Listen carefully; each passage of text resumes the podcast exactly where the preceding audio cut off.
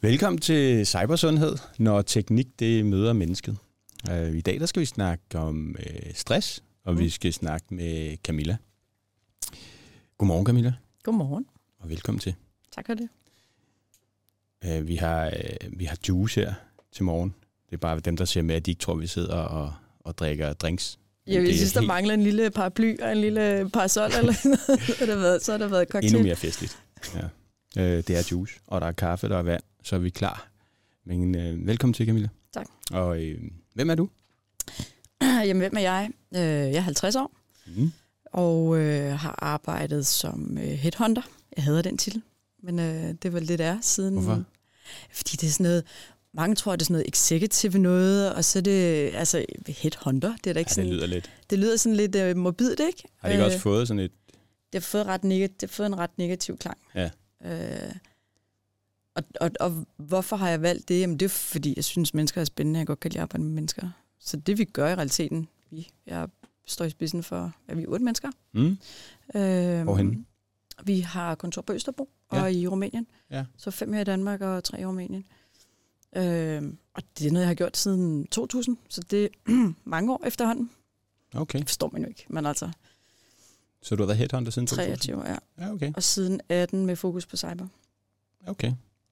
Øhm, og øh, det vi gør der, det er jo, at vi, øh, vi hjælper både nogle virksomheder med at få de medarbejdere, som de ikke selv kan skaffe. Mm. Så min optik i dag, mange virksomheder, det er jo, det er jo ligesom, menneskerne er jo ligesom den mest kritiske ressource for rigtig mange virksomheder i dag, vidensvirksomhederne.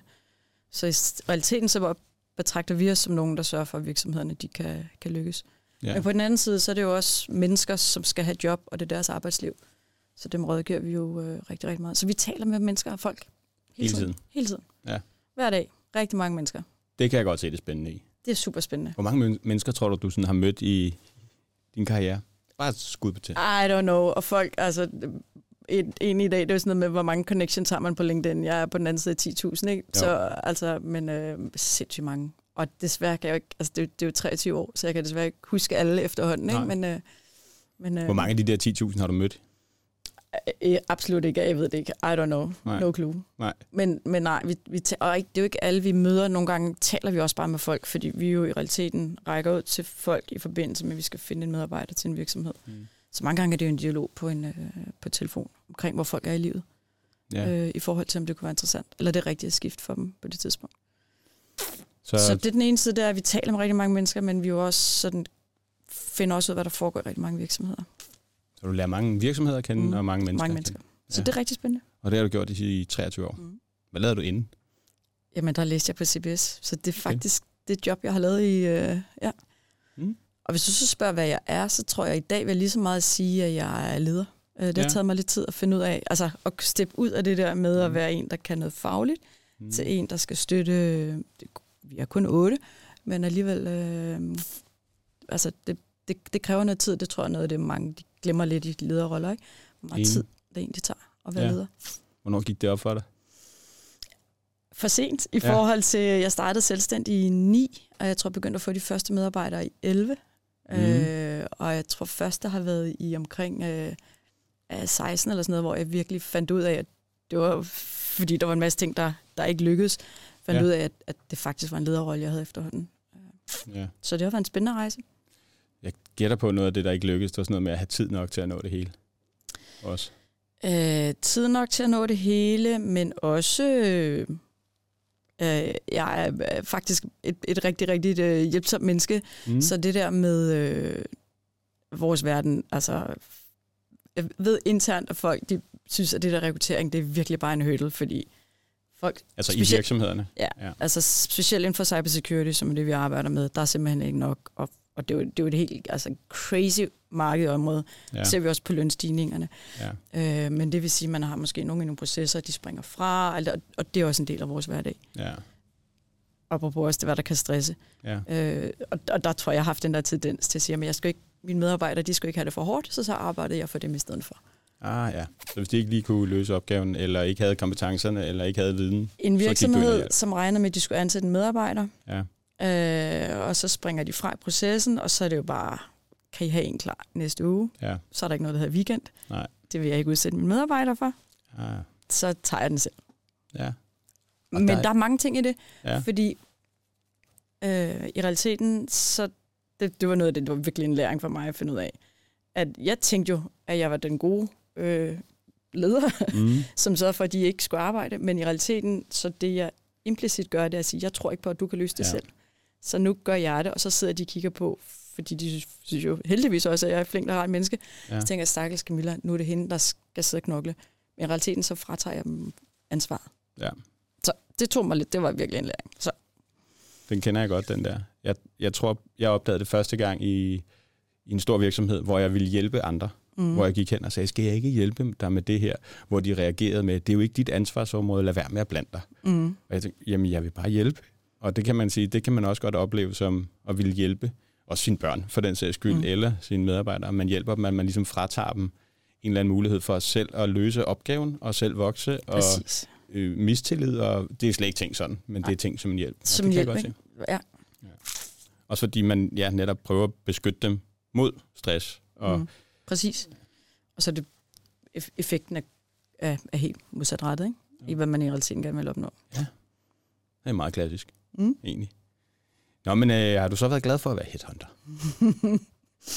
og er du stadig glad for det? Ja, jeg vil sige, at i dag der bruger vi øh, lige så meget tid på forskellige tiltag for at tiltrække folk til cybersecurity og for at opkvalificere. Og Ja. det synes jeg er rigtig sjovt nu.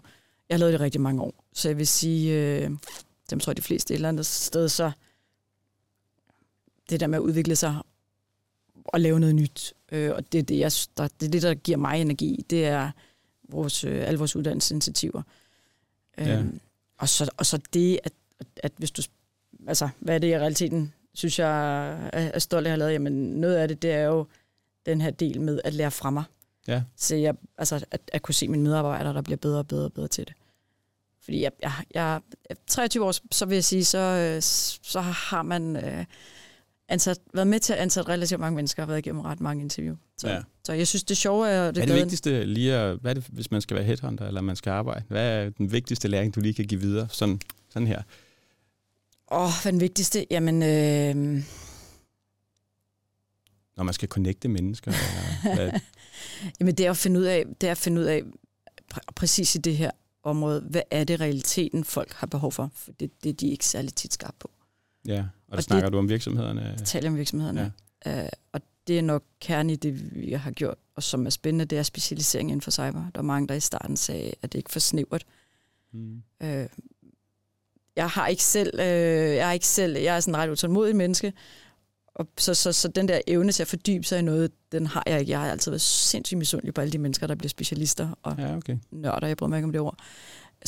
Enorm fascination af det, og derfor synes jeg også, at cyber er fascinerende, fordi der er så meget specialisering og så meget Ja. viden i det. Ikke? Øhm, men dem, der er internt i virksomhederne, øh, hjælper til med de rekrutteringsprocesser, de aner Ingenting om cyber. ingenting omkring cyber. Nej. Og derfor så bliver det noget med, at man går ud og prøver at finde noget, som man ikke ved, hvad er. Ja. Og det er der, hvor med den specialisering, vi har nu, at vi er relativt skarpe, hvis jeg Mm. selv skal sige det, til at få afklaret det her, og finde ud af, hvad man kan få, og hvad man ikke kan få. Mm. Altså, jeg har også selv oplevet det. Jeg arbejder jo som konsulent og fået de mærkeligste henvendelser omkring alt muligt, hvor de har tænkt, at der, er noget, der er noget security i det der. Og så læser man lidt om det, og så viser det sig, at det har noget at gøre med deres øh, fysiske sikkerhed, og man skal have forstand på overvågningskamera. Og så sådan, jamen, nå, det er jo ikke det. Man ser mange Ja. sjove ting, ikke? hvor man bare tænker, øh, Har du nogle sjove mismatches? Nogle gode historier, hvor det øh, gik helt galt? hvor det gik helt galt. Øh, Heldigvis ikke fra vores side er det gået helt galt, men, men, men der er meget, altså det, det sker ret tit, at vi er ude, og så får vi sådan en, et, et, et oplæg fra en virksomhed på, mm. det Mm. er det her, vi leder efter. Og når vi kigger på den, så siger det er tre stykker, det der. Nå ja, de, de skal Det- kunne det, det- hele, ikke? Ja, sige, Ja. ja. det der, det er tre stillinger. Ja. Altså, jeg er nødt til at splitte det op, fordi det findes ikke, og folk går ned med stress, fordi Mm. altså, det, altså, det kan jo ikke lade sig gøre det der, og det er ikke, det er ikke et job, og du finder ikke nogen, der, der deep, kan deep dive i de tre ting. Det er jo folk, der ikke er specialister, ikke? der ikke kan se, at hvor dybt det egentlig går. Og Det kan de slet ikke se, ikke? Nej. Så øh, men nej, lige nogle top of mind sjove historier, hvor det er fuldstændig galt mismatch, og det, det kan jeg ikke lide. Men de der forventninger fra virksomhederne om, at man skal kunne alt muligt, Ja, og jeg tænker, mest primært, fordi man selv ikke helt har forståelse for, hvad det er, opgaven går ud på, og man ikke ved, hvad man vil have. Ikke? og fordi cyber er så nyt, ikke? Stadigvæk. Ja. Det er jo ikke, øh, det er jo ikke, det har jo ikke eksisteret som selvstændig funktion så længe. Så det eksploderer jo i øjeblikket, ikke? Øh, og, det, og det er derfor, resten af virksomheden tænker, det der cyber noget.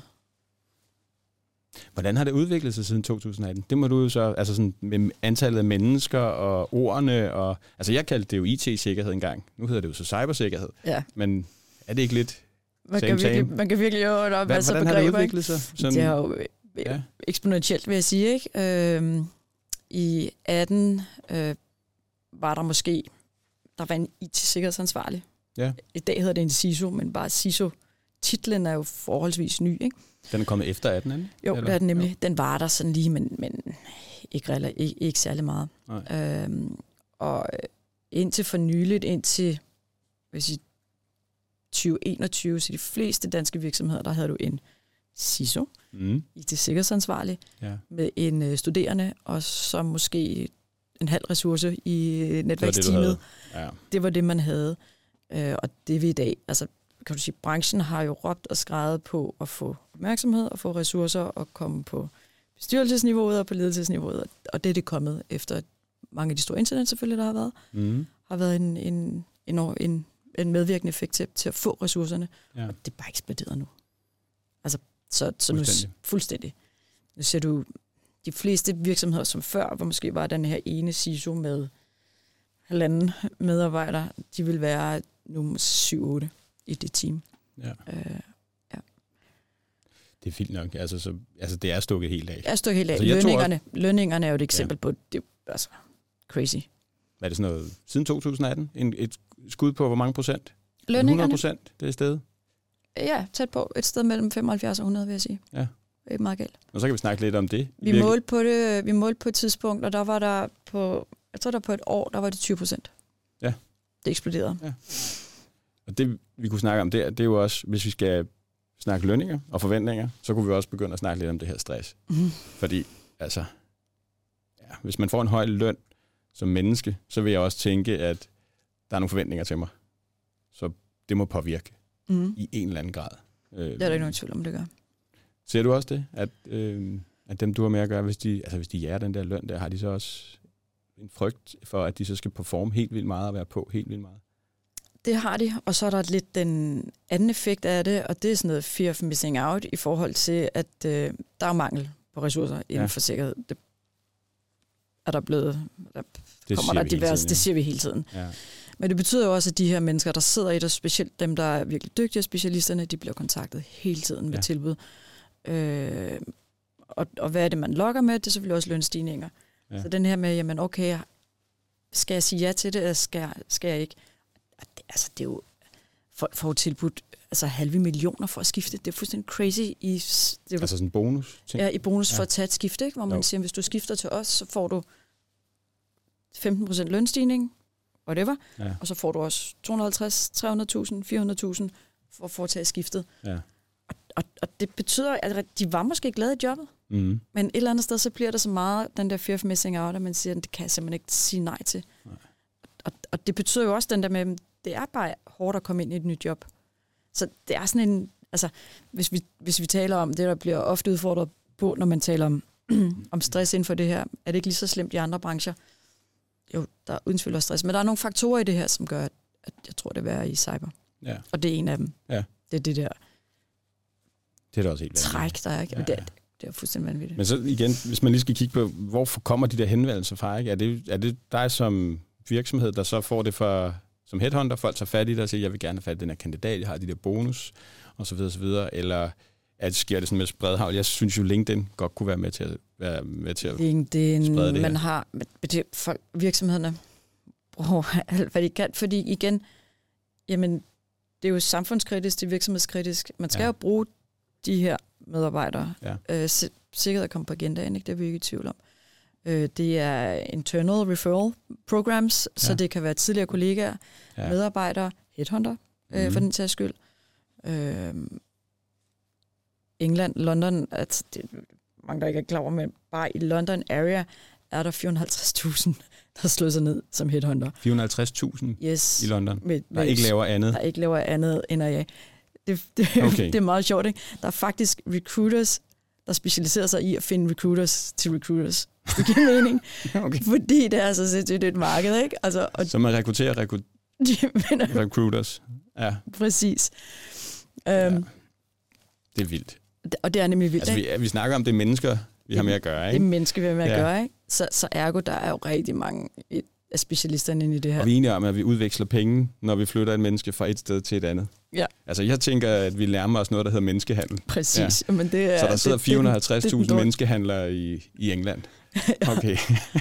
Og der, hvor det bliver lidt galt, er, at de her Ja. menneskehandlere, de aner ikke noget om virksomheden, Nej. De aner ikke om noget om mennesket. De, altså, det bliver virkelig, du kan sige, headhunting eller rekruttering, eller hvad, det er jo people business. Ja. De glemmer bare den der people-aspekt, og så er det bare ren og skær business. Ja. Altså, og det er, jo, det er jo virkelig den negative side af... Helt vildt. den Og der hvis det er branche. lønnen, der ligesom er det, der er, der er guldråden, og det, der man prøver at lokke folk med, så gemmer man jo helt mennesket. Mm. Mm. Så går der ren øh, grådighed og menneske ønsket om, at man vil have en større bil, og man, du ved, man skal have til Ja. sit hus, og man sætter sig dyre. Jeg kan bare se hele det der med, at folk lige pludselig får rigtig mange penge, hvor meget de selv kan sætte sig i en, øh, i en hård situation. Mm. Også hvis det er venner, lige pludselig. Altså, så sidder man der og har købt øh, hus og bil, og ja, Og men det, der Ja. ja. også sker, det er jo, at vi også ser nogle mennesker, som får en sindssygt høj løn i et job, hvor de måske faktisk er utilfredse. Ja. Øh, men et skift, de kan jo godt så være i proces eller dialog omkring et andet job, men hvis de skal foretage det job til en virksomhed, hvor de måske egentlig vil få nogle forhold, der var mere passende til den person, de er, så skal de gå 20 procent, 25 procent ned i løn. Hvis man Ja. først har vendt sig til et vist Ja. niveau, så bliver det bare, så det bliver sådan lidt en stavnspænding. Det eller andet det. sted, man... Jamen, det gør det. Det gør Men, det i øh, mange brancher. Eller ja. ikke i mange brancher, men jeg ved, da jeg startede i, øh, i banken eksempelvis, og det er jo mange steder, det er sådan, man lander et godt og trygt sted, man får en god pension, gode arbejdsvilkår, og man sidder trygt og godt. Og det, nogen kalder det, en, det kalder folk selv det, de kalder det, vi ved godt, det er en sovepude, men vi er her, vi har det godt. Mm. Øh, vi har en hel masse fordele, sådan en virksomhedsfordel, som man lever af og har det godt med, så er det bare svært at tage et skifte. Ja. Altså jeg gjorde det helt bevidst, da jeg skiftede fra at arbejde i Nordea til at være selvstændig. Gik meget ned i løn. Præcis. Rigtig meget ned i løn, ikke? Øhm, men nu sidder jeg her og har en hyggelig samtale med dig, så det, det er det hele værd. Mm. altså jeg synes, det er så meget værd, øh, vigtigt. Også måske at få snakket om det. Øhm, også noget med, at jamen, skal det være lønnen, der driver det hele? Hvad med, hvad med den mentale sundhed? Hvad med det at have det godt på sit arbejde? Og, og stå et sted, hvor man egentlig bare gerne vil have, at de medarbejdere, man arbejder sammen med, og de mennesker, man er sammen med, er søde og rare. Og egentlig har forståelse for, at ja, det er bare et arbejde. Ikke? Og det, det er altså svært at sige til mange mennesker. Der er noget status i det også. Ikke? Så, øhm, Men noget af det, vi hører, når vi taler med folk, som vi jo gør, det er jo, hvad er det, der giver arbejdsglæden? Det er jo faktisk oftest kollegaerne. Ja. Det er det sociale. jamen det, jeg synes også, når jeg er ude på opgaver, og når man er sammen med folk, at det, der, når man kommer afsted, så kan man mærke, om de har det godt. Mm. Og man kan også mærke, om det er et sted, man har lyst til at, at blive ved med at være som, som konsulent. Og nogle steder, der er det helt fantastisk. Det sjoveste er, at de mange gange i starten, så er folk de er flinke i starten. Og så efterhånden, som de bliver nær naturlige, jeg tror, det må være ligesom at få en kæreste. Altså, du ved, i starten så er man helt sådan, uh, og alle tager hensyn til hinanden. Men så går der et stykke tid, så begynder folk ligesom at, så begynder de der ting at vise, at man gerne vil måske op i hierarkiet, man vil gerne have noget mere løn, og så begynder man at blive presset og den slags. Ikke? Ja. Altså meget sjovt, når du siger det. Vi har... Øh, heldigvis så er vi, vi der, hvor vi godt kan sige nej til, til kunder. Øh, og det er jo Mm. der, hvor vi netop er ude i nogle virksomheder, hvor vi bare tænker med det samme miljø. Der er ellerne her, der er bare ikke... Altså, Ja. we don't like. Der, Ja, okay. der, der er ting. Og så har jeg lidt en udfordring øh, i mit bagland øh, en gang imellem, for ligesom at sige, jamen, altså, der er jo faktisk nogle mennesker, der trives i meget performanceorienteret Ja. kultur. Jeg har en medarbejder, som synes at nogle gange, at det kan hun slet ikke stå inden for. Det der, det, altså, hvor altså, for nogle er det jo faktisk, nogen trives med det, Ja, så er vores opgave altså. at finde dem, der trives i det der sådan super high Ja. performance, KPI, øh, whatever. Øhm, Det har jeg tænkt miljø. over, og det tror jeg altså, og nu sidder jeg her som 44 år, men det har altså også noget med alder at gøre. Jeg tror, mm. Det har noget at gøre med, hvor man er i en karriere, i sin karriere, hvor man, hvilken alder man har, om man har børn og alle de der ting. Så der er jo nogle steder, hvor man bare tænker, det her det er det vigtigste. Jeg skal. Mm. ud og have et job, og jeg skal performe, og jeg skal vise, hvad jeg kan. Og så skal der også være, så skal der jo også være plads til det. Ja. Så det er jo ikke fordi, at jeg siger, eller mener, at det er en dårlig idé. Jeg tror selv, jeg har været der. Ja. Men på et eller andet tidspunkt tror jeg bare, at måske det vender. Og det har noget med alder at gøre. Måske Ja. noget med at få børn. Ja, og så clasher det nogle gange med nogle persontyper, fordi dem, Ja. vi kigger på i cyber, øh, det er jo også meget specialister. Det er folk, der gerne vil lave den rigtige løsning. Folk, der har behov for at sidde og og, og nitty-gritty, og, og går op i det, og hygger sig med det. Ja. Og hvis de så er i en kultur, hvor der ikke er plads til det, så bliver de stresset. Ja. De bliver presset. Ja, det er rigtigt. Altså, øh, apropos det, der har jeg også øh, med denne her lille virksomhed, jeg har haft øh, folk inde, som passer sig super godt til at sidde foran computeren og fordybe sig. Øh, men at sidde lige foran en kunde og skulle til at være smile og være på, og øh, du ved, måske være sådan lidt, jeg vil ikke kalde det overfladisk, men måske være sådan lidt mere, øh, øh, ikke gå så dybt ned i tingene, og, og small talk, øh, og lave alle de der ting, og måske undgå, og, altså når man, sidder, når man sidder der og fordyber sig, så sidder man med problemerne, og siger, der er også de der problemer, det der, man vil gerne løse de der problemer, dem, dem behøver man ikke at sige, Altså, men det er jo det, der er interessen for mennesket, der sidder foran computeren. Mm. Jeg vil gerne løse det her problem, det er super spændende, jeg er engageret i det, ikke? og så når man sidder og snakker med folk, jamen, så siger, det, skal vi så ikke gøre det? Nej, det kan vi altså ikke, fordi der er det her problem og det her problem. Og der tror jeg, at man måske skal være sådan et eller andet specielt menneske for at lægge det bag sig. Altså ikke den her type, der fordyber sig.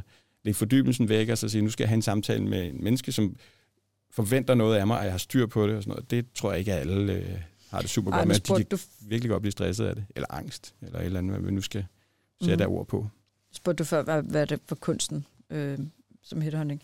Og så er det der med at vide, hvad det er for et job, og lige præcis det den anden, og det løber vi ind i problem inden for cyber, for det er jo finde ud af, hvad er det så for en mennesketype, der passer til hvilket ja. job.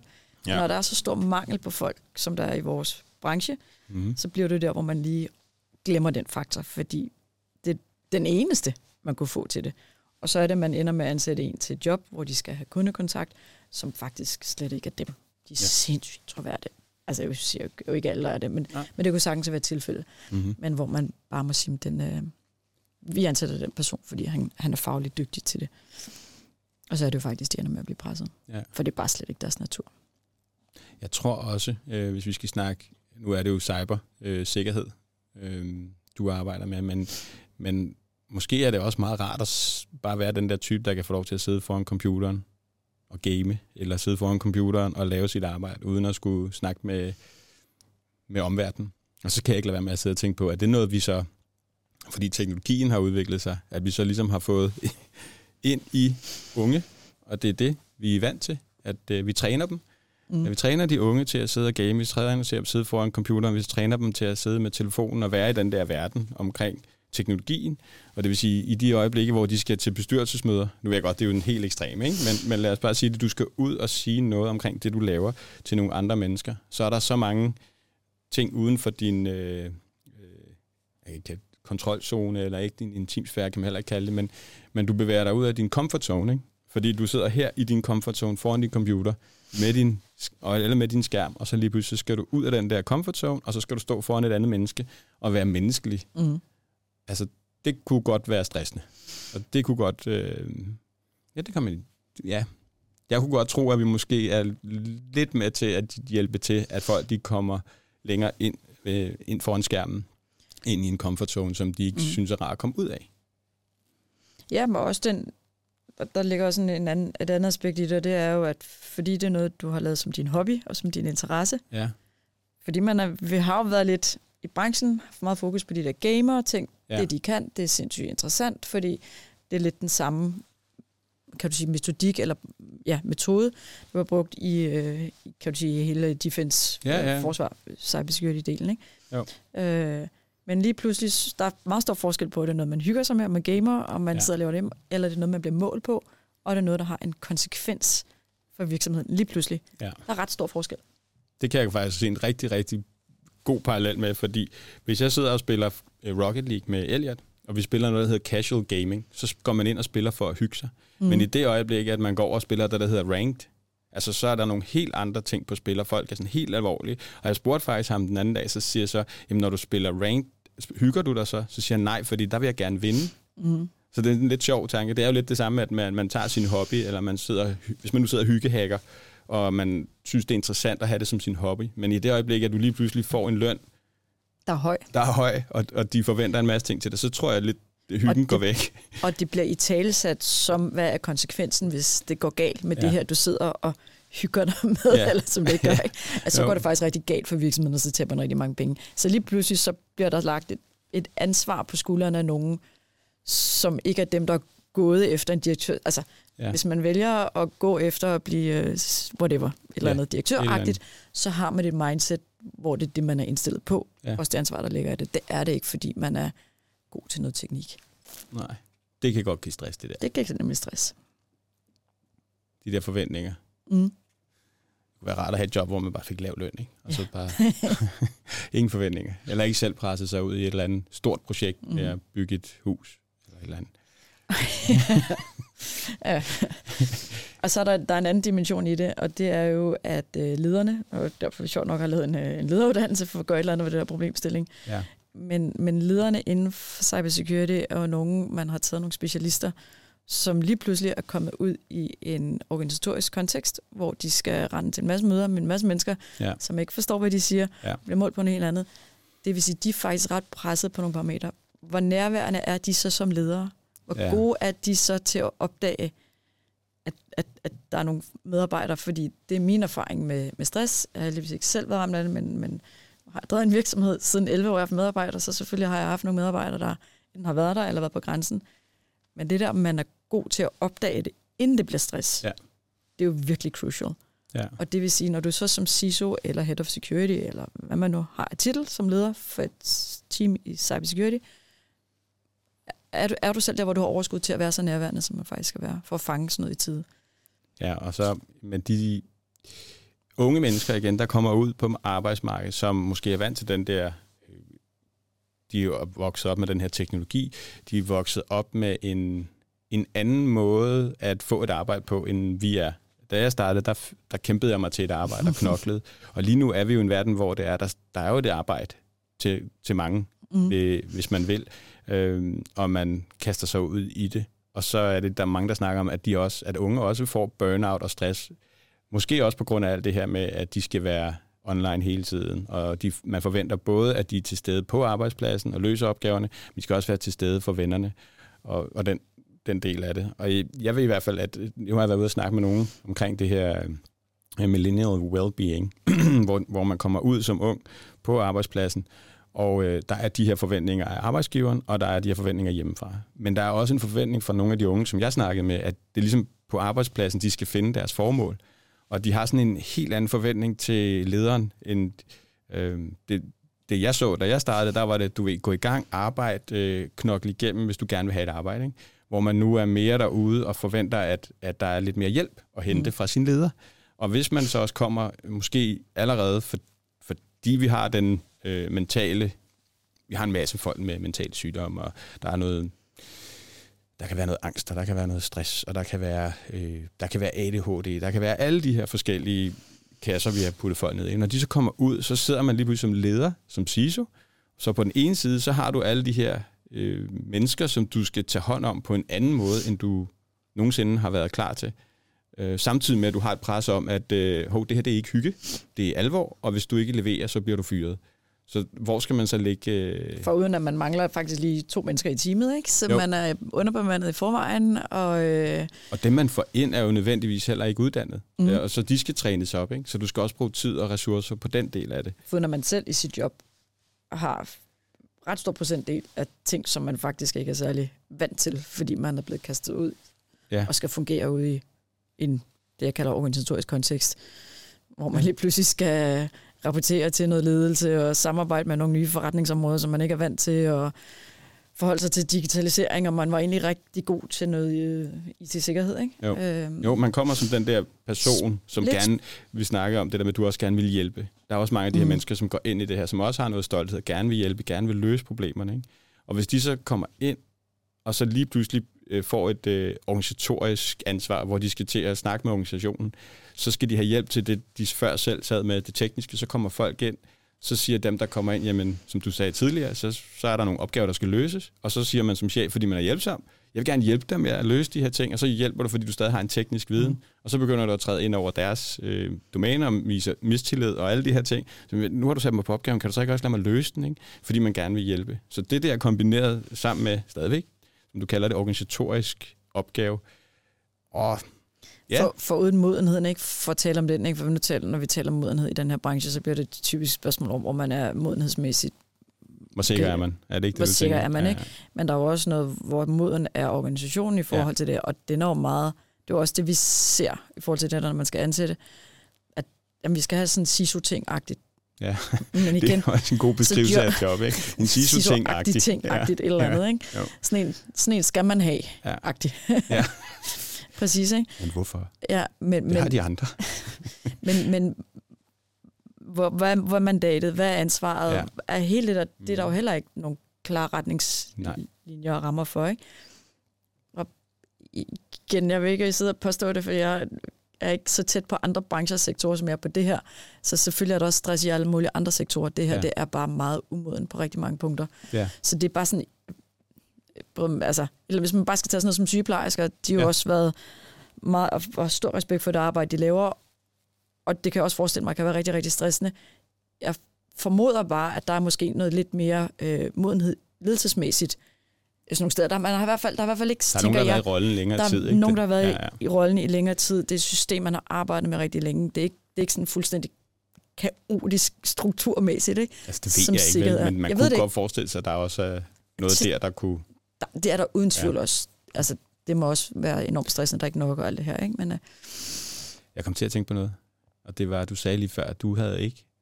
Du har ikke været nede med stress. jeg har været presset. Jeg har jo været rigtig, jeg presset. har rigtig presset rigtig mange gange. Ja. Ja. Øhm, hvad er forskellen? Jamen, hvad er forskellen? Øh, jeg har jeg taler med mange mennesker, så jeg har talt med mange, der har været stresset, og når Ja. man er stress, når man er stress, og man er ramt af stress, så det kan jo tage et halvt år, det kan tage fem år, det kan tage seks år, før man er i stand til at komme tilbage på arbejdsmarkedet. Ja. Igen, det, er- altså, det, er en, det er en alvorlig sygdom, Ja, øh, som skal tages meget seriøst. Øh, og, og pres øh, i min optik, jamen det er, at man, man har travlt. Ja. Ja. Øh, man sover måske ikke særlig godt, og, altså, ja. men, men det holder op på et eller andet tidspunkt, og ja. jeg tror, jeg har nok altid været ret god til at gøre noget ved, vælge og gøre noget ved det, jeg kan gøre noget ved, og så lade det, jeg ikke kan gøre noget ved, bare være. Ja. Jeg kom for Og så sent i morges. nok til at kunne Jeg kom for sent i morges. Jeg Ja. kan godt lide at komme til tiden. Jeg måtte ringe til dig og sige, ja. trafikken er håbløs. Nogen vil blive stresset over det, men jeg kan jo ikke flytte du ikke bilerne på vejen. Det? Nej, Nej, jeg kan ringe til dig og sige, jeg er ked af det. Og så, så er den jo ikke længere. Så hører jeg noget musik. Altså, altså sådan, sådan er det jo ikke. Jo. Men det er jo igen noget med, hvad vælger man at bruge sin energi på at blive stresset, altså at være presset over. Ikke? Og igen det der, der er også sikkert også nogen, der thriver eller nyder at være presset. Mm. Og det tror jeg, apropos det, vi snakkede om tidligere, der er jo nogen, der godt kan lide det der med at skulle nå det næste salgsmål, eller skulle nå øh, et eller andet øh, fra kvartal til kvartal, fra måned til måned, og nyde ja. det der pres. Jeg tror, det, det er noget, du... Øh, jeg har hørt dig øh, nævne før, ikke? Altså den her med psykologisering af begreberne, ikke? Så, så, så altså, er det bare moderne at sige, at man er stresset, og så er vi alle sammen super stressede. Ja. Øh, nej, stress, det er jo der, hvor folk sidder på motorvejen i deres biler og ikke aner, hvor de er og hvor de er på vej hen. Eller Ja. Tankerne er et helt andet sted. tanker et helt andet sted, ikke? Eller, eller at man, man mister fuldstændig troen på sig selv. Man tror ikke, man kan løse nogen som helst opgaver.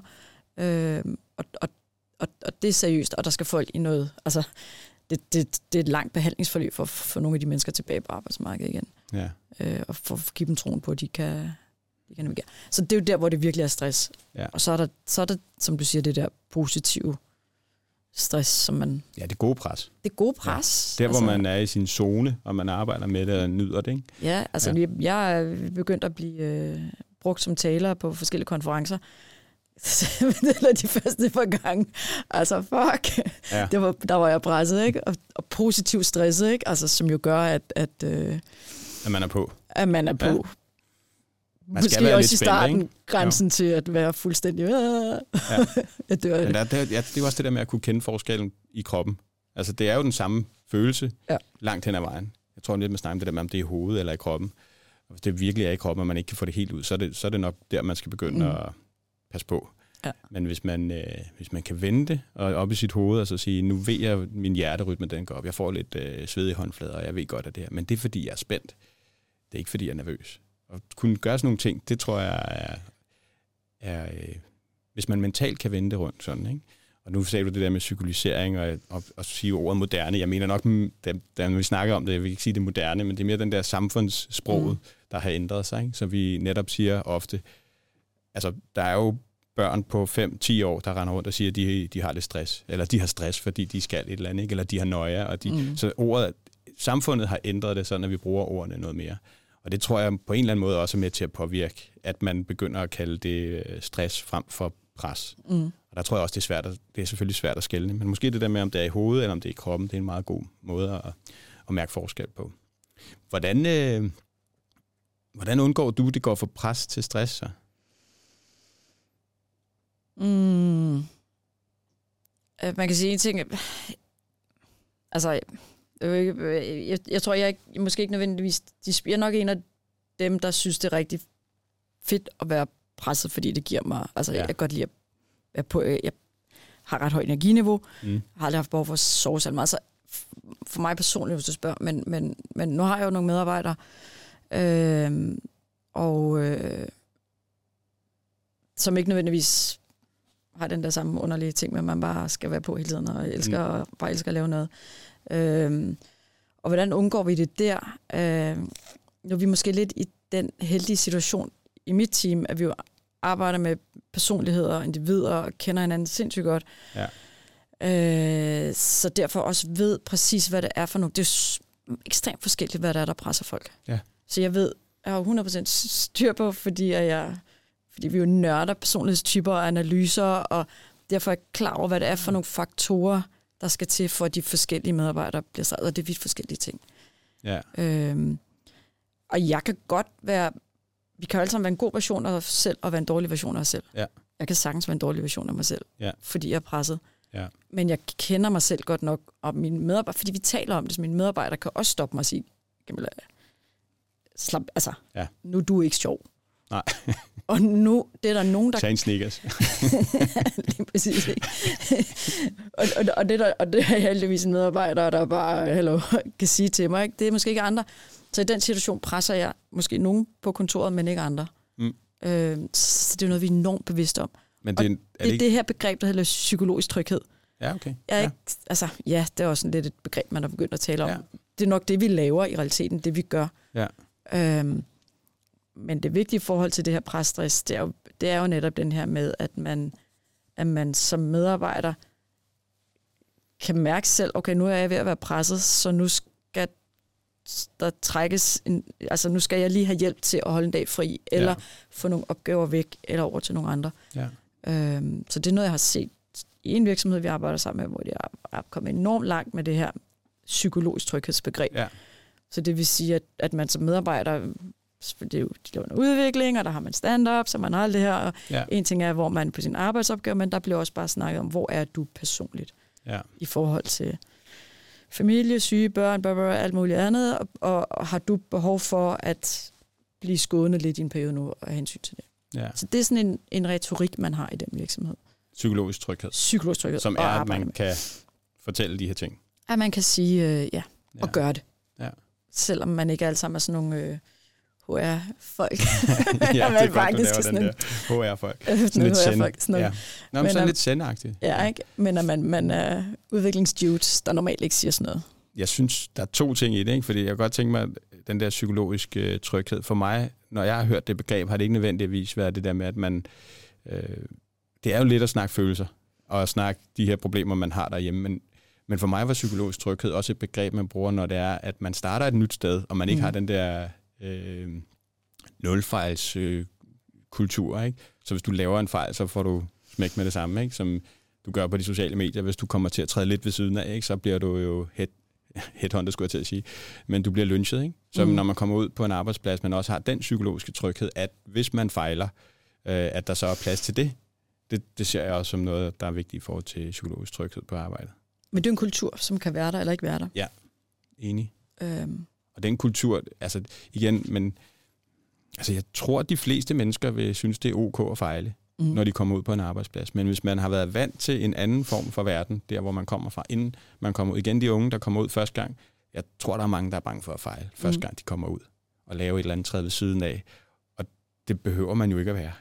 Altså. Det er der mange unge, det er der også mange ikke-unge. Altså dem, ja. der er perfektionister, ikke? Altså dem har vi jo rigtig mange af på arbejdsmarkedet i rigtig mange job som også havner i den. Ja. Øh, men ja, der er, nogle, der er helt klart et generations issue i Der er forhold forskel. Der er en forskel. Eller også er vi måske bare, du ved, blevet lidt ældre og tænker, det er bare et job. Det går nok. Det, det, sådan, vi det, er lever jo, stadigvæk, ikke? Jo. det er fordelen ved at blive ældre, ikke? Jo, det er det. Det er meget rart. Lige det der, det er rigtig rart. ting. Så er det lidt mere roligt. Men jeg tror også, at det der det var en anden ting i forhold til det, du sagde, det var, at apropos at blive ældre og være lidt mere rolig, man bliver lidt mere bevidst. Mm. Og jeg tror, at det du sagde med, at forskellen fra presset og, øh, og stresset, det er, at du skulle lige finde frem til det, ikke? men du sagde, at det er jo fordi, du kender folk, men det er også fordi, du er bevidst. Jeg er meget, om, at der er meget mange- bevidst om det. Ja, og hvis du er bevidst om det, ikke? og opmærksom, og holder øje med det, så kan du gøre, øh, så kan du gøre noget ved det. Mm. Og det, det tror jeg er, det tror jeg faktisk er kodeordet, at være bevidst om også det, du siger med, hvad kan jeg ændre, hvad kan. Mm. jeg ikke ændre, og så have evnen til at se forskellen. Ikke? Og Øh, bevidst om folk, folk, som ikke trives med en type opgave, kan godt have den i en periode. Men så Ja. er vi bare meget bevidste om, at nu er der en, der påtager sig et job, som ikke nødvendigvis er comfort zone. Og det kan være godt, men man skal bare ikke være ude af comfort zone konstant. Nej, det er for hårdt. Det er for hårdt. Ja. Medmindre Altså- man er en af dem, der bare elsker det konstant og hele tiden. Og dem, altså, men, altså, det er jo meget sjovt, øh, når vi har den her lederuddannelse, vi har, at, at, at jeg synes jo, at IT-sikkerhed er super komplekst, men alle de her ledere, de synes jo faktisk, at de her mennesker er det komple- mest komplekse, de bliver udsat for. Fordi Altså er det komplekst at forstå IT-sikkerhed? Eller der er mange, der, det, det synes jeg, jeg tænker, der er så mange komplekse tekniske aspekter i IT-sikkerhed. Ja. Men dem, der arbejder i det, de, og som er lederne i det, de synes jo faktisk, at det her med at have medarbejdere og skulle arbejde sammen på tværs, det er jo noget af det allermest komplekse, fordi mm. så er det mennesker og personligheder, som, som agerer irrationelt i forhold til, hvad man forventede. Ja. Øh, ja. Og, og det er jo, vi er jo bare sindssygt komplekse som mennesker, ikke? Jo, så på den ene side har du teknologi. Den kan du finde ud af, ikke? fordi den er rimelig rationel, og den, giver, den reagerer Mm. på det, du giver den. Ikke? Og så på den anden side, så har du et menneske, som er fuldstændig irrationel, og man ikke helt forstår, og Ja. er sindssygt meget mere kompleks end, øh, end Ja. sådan en maskine, man kan sige, nu taster jeg det her ind, så kommer der det her ud. Et andet aspekt omkring, øh, omkring øh, også generationerne og cyber og, og stress, det er jo øh, noget, som... Altså, der kommer gange- det, det med at være på og være online, der kommer så meget ny information Ja. konstant og hele tiden. Så Ja. hvis man ikke... Altså, når jeg var 50, ikke? jeg er jo ikke øh, 25, 30, 35. jeg kan sagtens slukke min telefon, og det gør jeg typisk i weekenden. Altså, den, den, er, altså, den, er bare, den ligger et helt andet sted. Ja. Men hvis man er online hele tiden, og hele tiden er på, så bliver man bombarderet med ny viden. Altså, så, så bliver du sind, om man, om man er den der, bliver mødt med, jamen du er specialist, du skal vide noget om det her. Ja. Og jeg tror ikke, der er mange områder, hvor fagligheden og teknikken udvikler sig så hurtigt, som det gør inden for det her. Det er en kombi, ikke? fordi der er både teknologien, der udvikler, og så er der truslerne inden for det. Ikke? Præcis. Den truslerne, ikke? Og, Ja. og hele det, hele det, der er jo en hel industri, der lever af at, at, at skabe nye trusler. Ikke? Så, Jo. så, så, er den altså også, så er der altså også bare et pres. Ja, der er de her modstandere, Ja. som man øh, skal forsvare mod. Og der er altså mange penge i det, er at være modstander. Ikke? Jo. Så der er mange penge, der skal bruges på at forsvare mm. sig, og det, det og hvis, du ikke, og hvis, hvis ja. Du ikke får hjælp til at en leder, eller selv er i stand til at korte ned, fordi man ikke kan lukke ned for de sociale medier, Mm. så, så kommer det bare hele tiden. Ja. Og, Og jeg er ikke specialist i stress og hjerne, og det her, men, men, men hjernen og systemet har brug for pause, det har og det det får det bare ikke. På ingen måde. Især ikke, hvis du har på 24-7. Ikke? Og, mm. Mhm. og det er jo igen det der, man siger, at hackerne, de sover jo aldrig. Mm. De arbejder 24-7. De arbejder nok i virkeligheden øh, nogle gange, der hvor de ved, at folk de er mest øh, trætte. Altså lige op til en weekend, mm. hvor de Mhm. tænker, okay, det plejer at være et godt tidspunkt. Ikke? Op til en ferie. Op til en ferie, ja. Det er noget af det, vi hører, og desværre jo, vi hører jo, og vi hører desværre begynder at høre mange, vi har brugt en del tid og ressourcer på at prøve at få, lokke folk ind i den her branche, for vi synes, det er så sindssygt spændende. ja. Og vi hører ret tit nogen, der tænker, nej, det er ikke det værd. Nej. Fordi, hvornår vi sidst var juleferie? Ja. Fordi, altså, det er næsten bare mere reglen end undtagelsen, ikke? Jo. At, øh, Det er faktisk lidt øh, teknologien, der presser os der. mm, i forhold til, at fordi vi har al den teknologi, så har vi også alle de her hacker, og det vil sige, at vi har en hel masse, øh, vi skal beskytte. Mm. Hmm. Den vinkel havde jeg faktisk ikke set lige før lige nu. At rent faktisk, fordi vi har teknologien og IT, og vi har alt det her, så har vi jo fået stress helt op på et højt niveau, i forhold til, at der er så mange, der prøver at udnytte det til det, til det værste. Altså, og nogle gange er det selvfølgelig ulovligt, folk, der, der bruger det ulovligt, og der er hackerne, der prøver at snyde sig ind og alle de her ting. Men andre gange er det jo også bare helt almindelig snyd med ting, som er tilgængeligt, altså uden at det behøver at være ulovlige malware og Mm. alle de her ting, men det er også bare helt almindelige værktøjer i IT, hvor folk prøver at snyde hinanden. Ikke? Så hele teknologien har bare givet os en kæmpe mulighed for, at folk prøver at komme efter hinanden. Og så sidder der en masse mennesker, der prøver at forhindre det. Øhm, interessant nok. Kombineret med, at dem, der søger ind for sikkerhed, faktisk typisk er der, fordi det er ret ansvarlige mennesker, der gerne vil øh, Ja, tage et ansvar og tage beskytte. et ansvar, beskytte ja. noget. Ikke?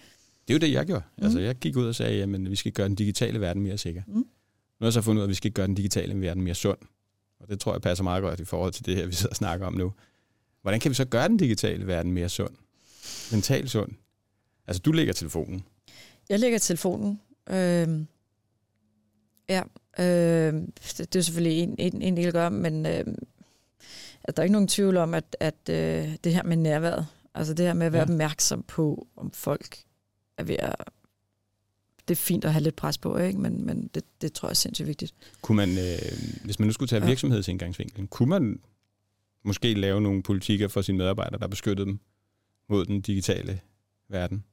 Altså, i, ja, det, ingen tvivl om, at man kan det. Øh, og, og vi har jo også nogle, nogle generationer, der er vant til, at forældrene øh, passer på dem og nøser dem, så det kan godt være, at vi som ledere, eller som de gamle, ja.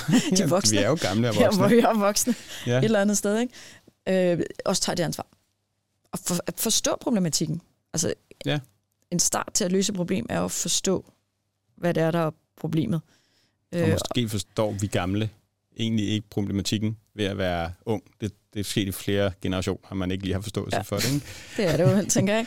Ja, forstå, hvad det er. Men lige nu har vi måske ikke så meget forståelse for den digitale ungdom og de, Ja, den, præcis. de digitalt indfødte, Ja. og hvilket øh, pres det egentlig giver. Og, og det er jo, ja. Altså, jeg ved ikke, det er jo sådan en klassiker, ikke? Jeg ved ikke, tænker, alle, alle, alle kender den der med, at man, man sidder og, og, og, og har en samtale med nogen, og så, mm. Så, så man så problemer eller whatever, og så den, man sidder og taler med, ja, det kender jeg godt. Ja, Ja. ja, det kender jeg selv, ikke? Og, Jo. ja, ja, og jeg kender også en af mine whatever. Og, og det er jo, det tror vi gamle virkelig skal forstå, når vi taler om de her generationer, der kommer på arbejdsmarkedet, at vi er nødt til at forstå dem, Ja, og ikke løse et problemstilling ud fra vores verdensanskuelse og vores måder at agere på på en arbejdsplads. Ja. Fordi vi er gamle, og fordi vi er bedre til at sige, skidt altså skidt pyt, Ja. jeg er ikke hjertekirurg, Nej. der er ikke nogen, der dør. Altså, Ja. øhm, men at forstå, hvad det er, der stresser de her unge generationer. Ja. Det, er i hvert fald, det er i hvert fald en ting. Øhm, Ja, fordi ej, jeg kan huske, jeg synes det var, jeg tror det var Torborg, der sagde det på et tidspunkt, han lagde et eller andet op på Facebook, hvor han også sagde et eller andet, hvordan kan du være stresset, når du ikke engang ved, hvad du vil lave? Og det er jo sådan, det er jo ekstremt, altså det, er jo, det kan jeg godt relatere til, hvordan kan du være stresset, når du ikke engang ved, hvad du vil lave? Ikke? Men på den anden side, hvis du ikke ved, hvad du vil lave, og der er en forventning om, at du skal finde ud af, hvad du skal lave, jamen så kommer stressen jo der, ikke? Ja. Og så, øh, Ja, man kan altid sidde og dømme øh, generationer og andre folk, der er forskellige fra en selv, ikke? med respekten for, at der er behov for alle forskellige typer på en arbejdsplads for at få tingene til at fungere. Og vi er nødt til at respektere, at der er forskellige ting, der stresser, presser ja. Ja. forskellige mennesker. ikke? Ja. Øh, unge, gamle, køn, øh, whatever, diversity issues, kultur, øh, alt det her, der gør det til. ja, og i sidste ende er vi alle sammen bare mennesker, Ja. der skal være lidt mere bevidste, og så skal vi hjælpe hinanden. Mm. Det er et godt sted at starte. At hjælpe Ja. yeah. hinanden og være bevidst og behandle hinanden som mennesker. Det tror jeg er en ret god idé. Ja, men altså, det er meget så sjovt, ikke? Humor, ikke? Altså, nogle gange, så bliver ting også så seriøst, så, så hvad er det, ikke? Ja. Altså, det er noget med at have nogle gode kulturer, hvor man både passer på hinanden, men også kan tage lidt, altså, kan tage lidt afstand. Ja. Så når så ting ikke bliver så alvorlige, Ja. tror jeg selv meget på. Det er jeg helt enig i. Så øh, vi er, jeg tænker, vi er ved at være ved, ved vejs ende. Mm.